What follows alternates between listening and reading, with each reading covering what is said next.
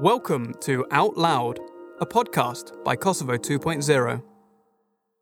If you agree with this blog, Save the Republic by Jeton Zulfaj. Read out loud by Jack Butcher. Our wartime leaders have failed us in peacetime, but the future is our responsibility. There is a story, often told in American folklore, that when Benjamin Franklin left the Constitutional Convention in Philadelphia in 1787, he was approached by a group of citizens and asked what sort of government the delegates had created. His answer? A republic, if you can keep it. It was a defining moment in the history of the United States, declaring a republic in a world that was dominated by monarchies. As spontaneous as it might have been, the response describes the true challenge of a republic as opposed to a monarchy, in which the monarch is responsible for the people and their well being, a republic is formed with the consent of the people, and its good health and development depends on an informed and involved citizenry. These two concepts of being informed and involved were still alien to 18th century citizens, yet America became the place that gave meaning to those words and promoted them around the world to spread the seed of democratic republics. I started this piece with the story of Benjamin Franklin because it has never been more evident and more urgent for the people of Kosovo to become informed and involved for the sake of our future and the future of our young republic. When Kosovo declared itself an independent republic in 2008, we didn't have leaders nor a leadership as Americans did at the Philadelphia Convention. What we had was a bunch of military commanders many of whom were chasing fame and fortune after the war, instead of working towards the good health and well being of citizens.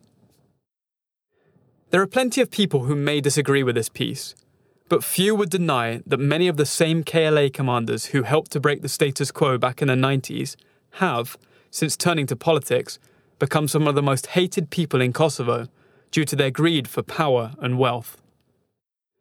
So, before I start talking about the state of our nation, and how we can change our country and save our republic, let me first make some remarks.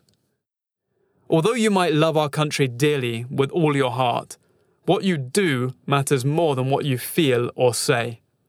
If you are willing to lie and steal from the same people in times of peace that you are willing to give your life for in times of war, you cannot claim to be a patriot anymore.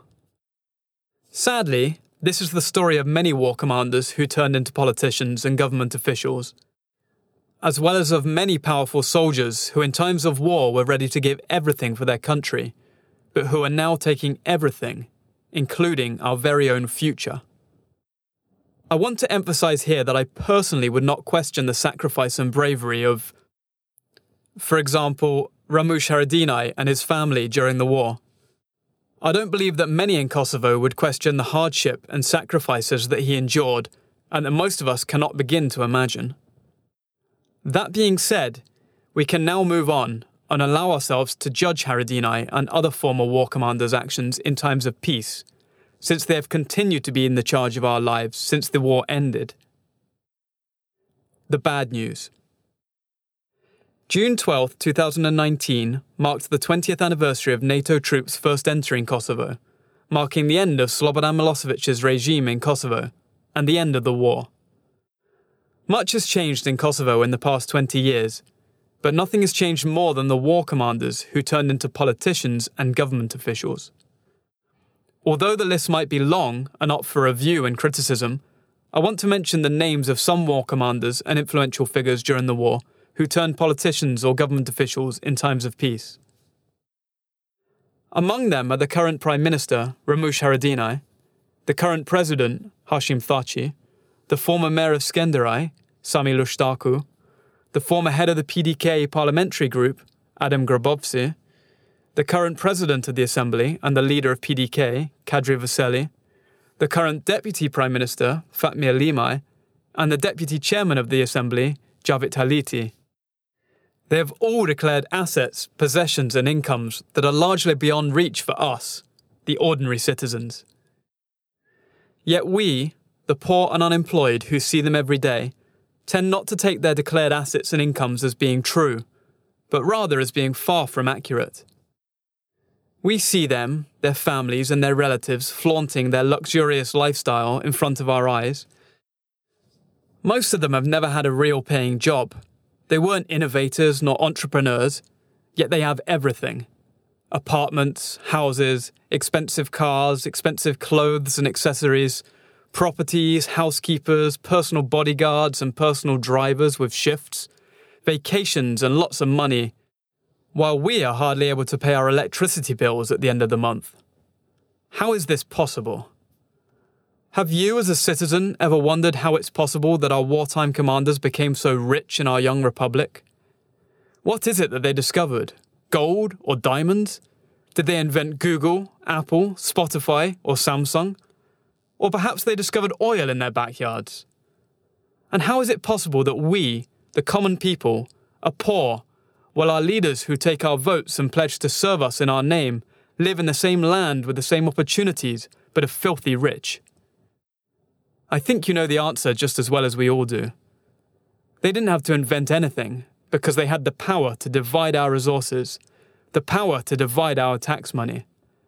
And instead of dividing them fairly and serving the people, they served themselves. Yet year after year, election after election, you continue to make the same choices, hence the same mistakes. You give them another chance to make things better, but deep down in your bones, you know that they are not the change that you seek, that they are not the change you need. So why do you make the same mistakes in every election? You are poor and unemployed and you have no voice, but you are asked in every election if you want to change something, and every time you say no. You continue voting for the same leaders who disappointed you so many times or perhaps you've given up hope and just don't vote anymore. But let me paint you a picture of who you are. And at the end, I want you to ask yourself if you are ready for change.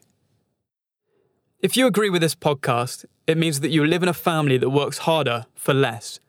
You cannot afford to buy a car and you cannot save enough money to educate your children. If you agree with this podcast, it means that neither you nor your family members were employed through favoritism or nepotism. If you agree with this podcast, it means that you and all of your family members work low paying jobs. You sleep less and don't eat well, yet you can barely pay your bills at the end of the month. If you agree with this podcast, it means that you're a job seeker. You work in construction or as a waiter, or perhaps you clean houses and apartments from time to time, sometimes in the cold of winter and the sweat of summer, for a daily wage that shames your dignity. You don't have an employment contract, and your boss makes you work extra hours without compensation, yet you don't complain because you've got mouths to feed. If you agree with this podcast, you don't have health insurance. So when you or your children get sick, you spend all your savings and you go bankrupt.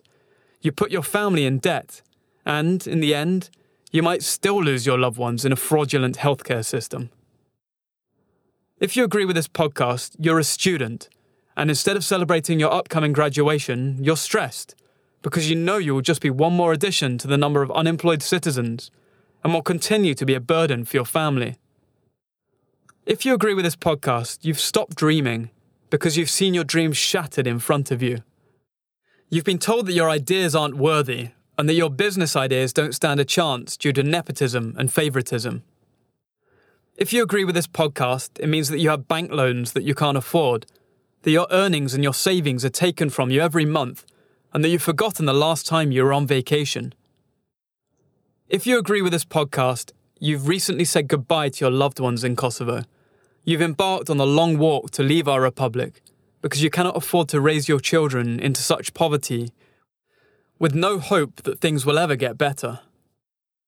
If you agree with this podcast, your family has left Kosovo in search of a better life. You and your children miss your home back in Kosovo, and you cry at night because you cannot tell your children the truth about why you left your own country. If you agree with this podcast, you left Kosovo before the war. You have contributed to your family in Kosovo for decades and kept them alive. You visit your home once per year, and you are disappointed with our progress. Your love and compassion for your country is fading every day, and you are disgusted by the greedy politicians who think only of themselves. You've been promised year after year, and election after election, that things will get better. You're tired of hearing lies. Your hopes have been dashed again and again, and you've stopped hoping that things will ever get better, that things will ever change. If you're a father or a mother, you stay awake at night wondering how you will pay the bills at the end of the month, and how you will raise your children and see them go to college one day. If you agree with this podcast, you're an entrepreneur or an employee. You pay your fair share of taxes, but you don't see change happening. You see your taxes ending up in the pockets of corrupt officials instead of providing better education and better healthcare for you and your children. If you agree with this podcast, you're a business owner who is tired of paying bribes to greedy and corrupt officials, inspectors, police officers, prosecutors, and judges. If you agree with this podcast, you're an honest business owner who works tirelessly and pays his fair share, but is tired of seeing his competitors get ahead with their businesses, not because they have better ideas or provide better work quality, but because they pay bribes to government officials. If you agree with this podcast, you're a farmer who works hard every day, but you still don't earn enough to educate your children and pay the bills every month. You've seen and endured enough and you have already given up on the hope that things will ever get better. The good news. This is the state of our nation. It is a state in which those with the most money and influence control everything and have stolen the dreams and the future of the country you love, and left you no choice but to pack your bags and leave. But here's the good news. If you agree with this podcast, it means that you are not alone. It means that you are not a minority and that you are not as powerless and voiceless as you have been told. You are part of the majority of people in Kosovo. You are a majority.